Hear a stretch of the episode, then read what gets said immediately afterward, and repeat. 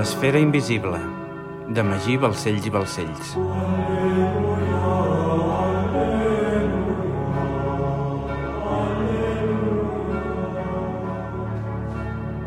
Capítol 15. Plaça de les Eres. Dilluns, 15 d'abril de 1303. Santa Coloma de Caral, Principat de Catalunya. El matí era fresc i el dia s'alçava clar i lluminós. Després de quasi una hora de viatge des del castell de Caral, Margelina, acompanyada de la seva neta Beatriu, mirava la vila de Santa Coloma des de la finestra del seu luxós carruatge. Al nord-est, la llum del matí il·luminava la pròspera vila, assentada a la riba dreta del naixent riu Gaià, que en penes i treballs intentava descendir raquíticament sense ser engolit per la terra d'aquells eixuts feus de secar. Lluís el Pietós, en una expedició frustrada contra els serraïns, va establir un campament en aquest indret i la llegenda explica que va tenir una visió on el mateix colom que havia descendit amb la sagrada ampolla durant el baptisme de Clodoveu se li apareixia i li demanava consagrar una església en honor a la Verge Maria. La vila havia nascut al contorn d'aquesta petita església i un cop incorporada als dominis barcelonins es va integrar dins el terme del castell de Caral. Pel control dels barons es va construir una torre circular de defensa i una carlania, que havien de garantir el repoblament de la zona quan el riu Gaià va deixar de ser la frontera entre el comtat de Barcelona i l'Àndalus. Amb el temps, el renaixement d'Occident i la consolidació jurídica i econòmica del Principat, el lloc va créixer considerablement fins a esdevenir el feu més poblat dels Caral. Però, a més a més, per la seva disposició geogràfica, situada en l'altiplà i al peu del naixent riu, es va convertir en l'emplaçament idoni per materialitzar les ànsies comercials dels barons de Caral, fet que la va portar a la plenitud amb la concessió del privilegi de mercat per part de Jaume I l'any 1222. A partir d'aquí, la població va començar a créixer de forma llargassada, des de la torre de defensa i la carlania cap a l'església, fins que va formar un sol cos que en l'actualitat s'estava emmurallant. Només un gran espai buit va quedar sense edificar entre la torre i la carlania, espai que es va convertir en una vella plaça porxada que servia per batre el cereal en temps de sega i que la gent, per aquest motiu, anomenava plaça de les Eres. Al redós de la torre defensiva, de 24 metres d'alt per 9 de diàmetre, es van anar construint vells edificis per assentar el poder dels barons, tots coronats per merlets, protegits per altes muralles i embellits amb finestres geminades i arc de mig punt, fins a adquirir la imatge d'un poderós castell senyorial. Transformat en una autèntica fortalesa, quan sobrepassava amb escreix els luxes del castell de Caral, els barons s'hi van traslladar definitivament per convertir-lo en la capital de la baronia. La vella Margelina va clocar els ulls i va observar orgullosa el panó dels Carals sobre la torre d'homenatge de l'esbel castell de Santa Coloma. Sobre fons vermell, un lleó daurat rampant amb un punyal clavat al pit. Malgrat que havia estat el seu sogre, Pere Cor de Roure, qui havia aconseguit l'escut heràldic, Margelina creia ser ella, sens dubte, qui més havia contribuït a omplir-lo de poder i contingut. Margelina era filla de Guillem III d'Anglesola, baró de Bellpuig, i de Constança d'Alagó, una dona pertanyent a una poderosa dinastia noble aragonesa. El seu tiet era el bisbe de Vic, el seu avi era majordom del regne d'Aragó i el seu pare era un militar excepcional que havia participat en les Corts catalanes. A més a més, Margelina era una anglesola, un dels més antics llinatges de l'aristocràcia militar catalana, presents en la llegenda dels nou barons de la fama, qui suposadament haurien jurat lluitar fins a la mort per deslliurar la seva terra de la mitja lluna serraïna i haurien fundat Catalunya. Justament per això, des de petita, havia estat educada amb severitat per fer honor a la noblesa de la seva estirpa. Destinada a casar-se amb un noble important, la seva mare Constança la va instruir de forma dràstica per convertir-la en una dona refinada i pretensiosa, fet que va aconseguir sens dubte. El seu matrimoni amb Pere III de Caral, com tots els d'aquell temps, havia estat convingut des de que era ben petita, i malgrat que ella estava enamorada d'un altre home, tenia més pressa que ningú per casar-se. Les seves ànsies per convertir-se en baronessa i exercir com a senyora la van portar a convèncer el baró de Caral per avançar al casori. Quan Pere III de Caral la va conèixer, va quedar tan captivat pel seu virtuosisme i encants que no es va poder negar. Així, amb només 14 anys, Margelina es va convertir en baronessa de Caral i senyora del seu marit, qui estava tan enamorat d'ella que li consentia tot. Poc temps després va néixer Guillem, i només uns anys després, la sintonia entre el matrimoni era tanta que van decidir repartir-se les feines per engreixar tant com fos possible el patrimoni que havien de deixar els fills fruit de la seva aliança. Així, Mentre el baró acostumava a ser sempre al costat del rei, fent la guerra als enemics de la corona, ella actuava com a baronessa sense cap impediment, amb una diligència i efectivitat inaudita, i entre els dos van contribuir enormement a augmentar el poder econòmic i polític dels Caral. Mentre el seu marit situava el cognom entre el dels més alts funcionaris militars del Principat, Margelina governava els feus i aconseguia els privilegis i riqueses necessàries per convertir la família en la segona més rica de Catalunya, només per darrere dels Cardona. Margelina sempre preocupada en guardar les aparences i conscient de la importància de mostrar el seu poder en fatxenderia, transformava la vila de Santa Coloma a mesura que omplia les arques dels Caral, per convertir-la en la digna capital de baronia que exigia un cognom com el seu. Havia estat ella qui havia ordenat la construcció del tram de muralla que deixava la vila closa per complet. Havia estat també ella qui havia aconseguit permís per construir una nova i monumental església parroquial que substituís la petita i fosca església de Lluís el Pietós. I el més important – era gràcies a ella que el mercat de safrà de Santa Coloma s'havia convertit en el més important del Principat. Ja fa més d'un any que el teu pare va ser investit, li va dir Margelina, a Beatriu, mentre mirava per la finestra del carruatge. I en un any ha progressat molt. S'escriuran gestes parlant d'ell. Quina carrerassa. Per què? va inquirir la donzella. El teu pare va tenir el coratge d'enfrontar-se ell sol a tots els moros de Tortosa de Síria per alliberar Jacques de Molay i ho va aconseguir Ara és ni més ni menys que majordom del gran mestre de l'ordre del temple, deia Margelina, orgullosa. Valdria més que hagués alliberat l'única dona que li ha fet bé, va dir Beatriu, per fer enfurismar la vella. Aquella dona és una bruixa condemnada per la Inquisició, que cremi a l'infern, va dir Margelina, plena de ràbia. Aquella dona, us agradi o no, portava un caral al ventre, va dir Beatriu. Cap caral pot ser fruit de la fornicació, va sentenciar la vella, irada. No teniu sentiments. L'únic al·licient que trobo en casar-me és deixar-vos de veure, li va dir Beatriu, amb un somriure. Doncs mira, nena, en això estem d'acord. Jo també tinc ganes de perdre't de vista. Prou feina tinc amb Francesca.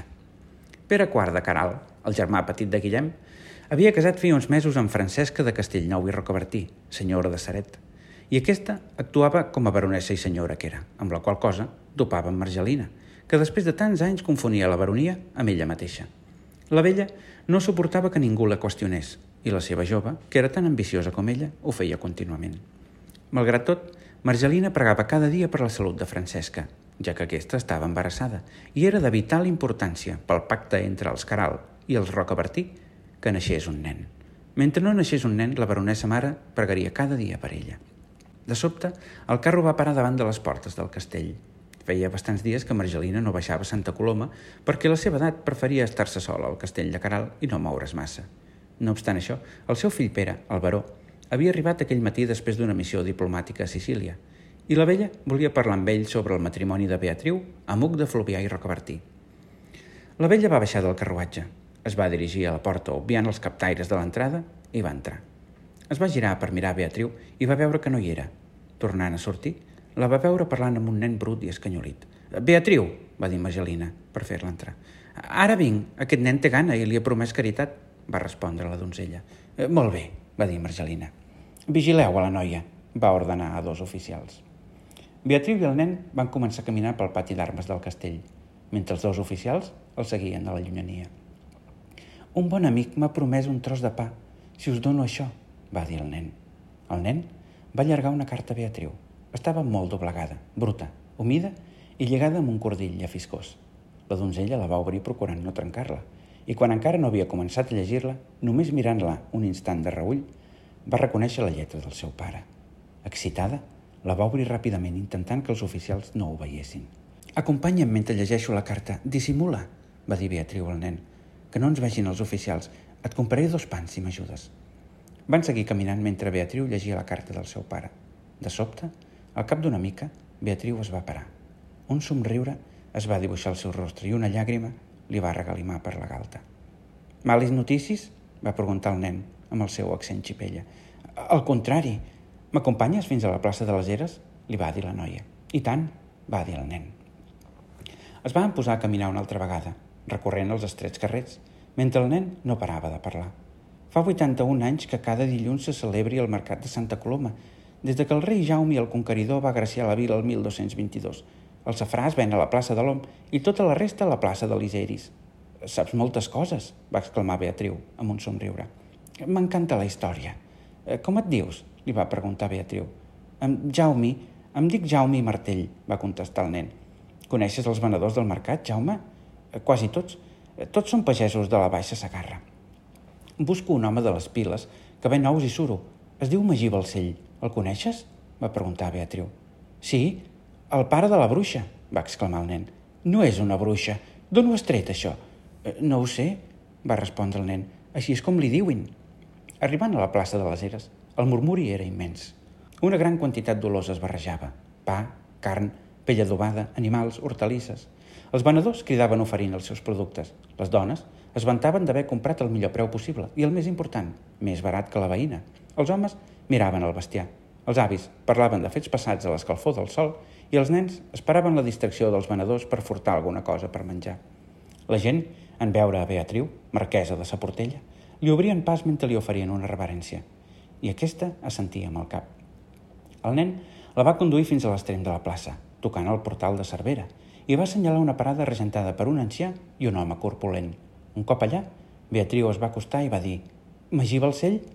És el meu pare», va contestar l'home corpulent, assenyalant l'ancià assegut uns metres endarrere. «Què voleu?» «Soc Beatriu de Caral. Sabem qui sou», va dir l'ancià, alçant-se i recolzant-se en un bastó. Vaig perdre una filla per culpa de la vostra família. No l'heu perdut. La vostra filla Maria és viva i el seu fill també, va dir Beatriu. Com? Va dir l'ancià, incrèdul. És viva i el seu fill, el meu germà, també, va repetir la donzella. Com ho sabeu? va preguntar l'home corpulent. He rebut carta del meu pare, va dir Beatriu. M'asseguro que els dos són vius i que estan bé. On són? va preguntar l'ancià. No ho sap però aviat els trobarà i els portarà de camí a casa, va dir Beatriu. No sap on són i sap que són vius? va inquirir l'home corpulent. Sap amb seguretat que són vius i estan bé, i em jura que els portarà, va dir la donzella. El mateix li va dir a ma germana el dia que la van prendre, i d'això ja en fa quatre anys, va dir l'home corpulent. Déu t'escolti, filleta. Dels tres fills que tinc només em quedi en Pere, va dir l'ancià, assenyalant a l'home corpulent. Maria va ser desterrada i la nostra casa confiscada.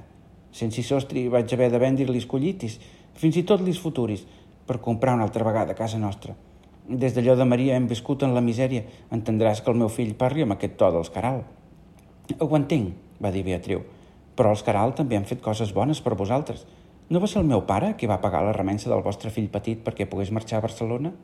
Eh, sí, va ser el vostre pare, va dir l'ancià. I també va ser el vostre pare qui va impedir que la Inquisició es quedés amb la Xarmadi, la millor partida de safrà. No hi ha brins tan grossos i costosos com els que neixin de les flors que plantem a la Xarmadi. Fa segles que cultivem aquestes terres i és gràcies al vostre pari que podem continuar fent-ho. Teniu, va dir Beatriu, allargant una bossa de monedes. Qualsevol cosa que necessiteu, jo us ajudaré. Hem d'evitar que la meva àvia se n'assabenti. És una arpia perillosa. Aviseu el petit Jaume i ell em vindrà a buscar cada dilluns per dir-me el que us falta. No dubteu ni un segon. Som família. Déu us beneeixi, senyora, va dir l'ancià. Eh, no em digueu senyora, digueu-me Beatriu. El vostre net Guillem és el meu germà, som família. Us mantindré informats, va dir Beatriu amb un somriure. El nen es diu Guillem? va preguntar l'ancià, amb els ulls vidriosos. Mentrestant, dins el castell del Baró, Margelina parlava amb el seu fill, alhora que mirava a Francesca de Raull, que des de la taula intentava escoltar tot el que deien. El matrimoni no pot esperar més, li deia Margelina al Baró. Beatriu ha de casar-se com més aviat millor. Has parlat amb Jofre de Rocabertí? Eh, sí, mare, va dir el baró. El casori serà el mes entrant. Molt bé, fill. I per Sicília, com estan les coses? va preguntar Marcelina. Bé, mare. El rei Frederic de Sicília i Roger de Flor han creat una gran companyia militar. Jo hi vaig anar com a ambaixador del rei Jaume II per ser informat, va dir el baró. Una companyia? va preguntar Marcelina. Sí, la Gran Companyia Catalana d'Orient, un exèrcit mercenari format per 6.500 almogàvers i 39 naus sota el comandament de l'almirall Roger de Flor. I amb quin objectiu s'ha creat aquesta companyia? va inquirir Margelina. Els 6.500 almogàvers formen part de les tropes que en el seu dia van ajudar Frederic a aconseguir el tron, explicava el baró. Però des de que el conflicte va acabar, el rei de Sicília té problemes per mantenir-los. Així que s'ha creat aquesta companyia per posar-la al servei del millor postor, Eh, tothom coneix la fama dels mercenaris almogàvers i l'emperador Andrònic II Paleòleg ja els ha contractat per lluitar contra els turcs otomans. Lluitaran contra els turcs? Va dir Margelina. Sí, va contestar el baró. Em sembla més que adequat i necessari pels nostres interessos. Últimament, per culpa d'aquests infidels desgraciats, tenim problemes per fer arribar el nostre safrà a Constantinople, va sentenciar la vella. I parlant de Frederic de Sicília, explica'm, funciona el matrimoni entre Frederic i Eleonor? El rei Frederic avorreja la seva dona i es passa el dia caçant i de taverna en taverna, va contestar el baró, com tots els homes. I la reina? va preguntar Margelina. La reina es passa el dia a Palau, envoltada de les seves donzelles, totes franceses. Està ressentida i enfadada amb el món. No hi ha res més perillós que una dona ressentida, i més encara si és una dona capet, va sentenciar Margelina. N'has donat compte, el rei Jaume? Eh, qui sóc jo per donar consells matrimonials al rei? A més a més, Jaume té altres preocupacions. Ah, sí? Quines preocupacions? va preguntar Margelina. El gran mestre de l'Orde del Temple va prometre una condonació d'una tercera part del deute a Felip IV de França i el rei Jaume desconfia que el papa ja no el recolzi com a rex vellator. Fra Ramon Llull assegura que li continua donant suport, però li recomana discreció. Si Fra Ramon diu que li dona suport, llavors no hi ha dubte. Fra Ramon és amic del papa i si demana discreció és per alguna cosa. Feu-li cas. Parla amb el rei i recomana-li que no s'obsessioni amb el tema. No convé parlar d'aquest tema pels passadissos de la cort i menys davant d'una capet, va dir Margelina. Ja ho he fet, mare. I el teu germà? En saps alguna cosa? va dir Margelina. No tinc notícies de Guillem. L'últim que sé és que va embarcar al port de la Rochelle fa uns mesos. Però continua sent majordom del gran mestre? Eh, imagino que sí, mare. Però ningú s'ha pres de Guillem des de fa uns mesos. Des de que va embarcar és com si se l'hagués empassat la terra, va contestar Álvaro. Eh, no pateixis, jo trobaré la manera d'esbrinar on es troba, va contestar la vella. Margelina es va quedar capficada, quan de sobte un dels seus oficials va entrar i es va acostar a l'orella de la vella. Margelina va escoltar amb atenció el que l'home li deia, mentre mirava Beatriu, qui acabava d'entrar i se saludava afectuosament amb Francesca. Després d'un copiós dinar i una bona becaina, quan la matriarca ja havia obtingut tota la informació que necessitava i havia despatxat amb tots els serfs del castell per donar-los instruccions de com procedir amb Francesca, Margelina i Beatriu van pujar al carruatge per marxar cap al castell de Caral. Durant tot el viatge de tornada, la vella no va dir ni una sola paraula. Només podia pensar en Guillem. On devia ser? Per què feia tant temps que cap dels seus informadors no en sabien res? Estava extremadament nerviosa i preocupada per aquest fet. A més a més, un dels seus oficials l'havia avisat que la donzella Beatriu havia anat a visitar el pare de la bruixa i Margelina no en tenia per què. Arribant finalment al castell de Caral, la vella li va dir a Beatriu «Què has parlat amb aquell home?» «Eh, «Quin home?» va preguntar Beatriu. «El pare de la bruixa». «Quina bruixa?» «Ja ho saps, no et facis la mosqueta morta. Els meus homes m'han dit que un nen t'ha donat una carta, una carta que li havia donat un dels nostres moliners amic del teu pare i que després has anat a parlar amb el vell de les piles. Què deia la carta? Què li has dit al vell? No n'has de fer res, va dir-li Beatriu, desafiant. On tens la carta del teu pare? L'he cremat. No deixaré que li continuïs arruïnant la vida. Et penses que no ho sé? Tu ets la culpable de tot. Què has de saber, tu? No saps res, nena. Ets una bleda, li va dir Margelina, amb un somriure de menyspreu. En un mes et casaràs i mentrestant no et mouràs d'aquest castell. Tard o d'hora m'ho diràs. I si no m'ho dius tu, ja trobaré la manera de fer cantar el vell i els dos imbècils que han portat la carta. No t'atreviràs, va cridar Beatriu. Que no? va dir la vella, somrient-li. M'inventaré qualsevol excusa i els empresonaré els tres fins que parlin. Tanqueu la donzella a la seva habitació i no la deixeu sortir fins que jo ho ordeni, va dir la vella, un oficial. Dos oficials van agafar Beatriu pels braços i van començar a empènyer-la mentre cridava i insultava la seva àvia. La vella es va dirigir a l'estança noble i es va acostar a la llar de foc per escalfar-se.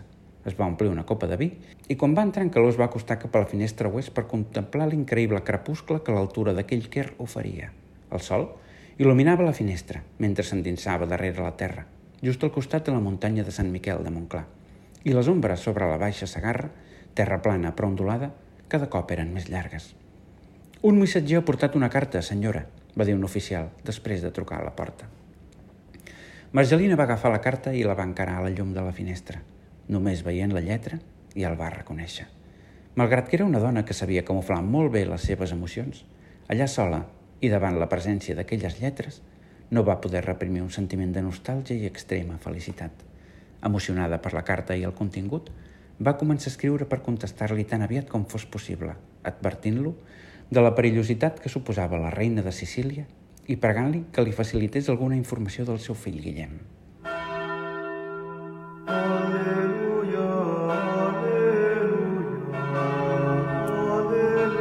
L'esfera invisible, de Magí Balcells i Balcells. Aleluia.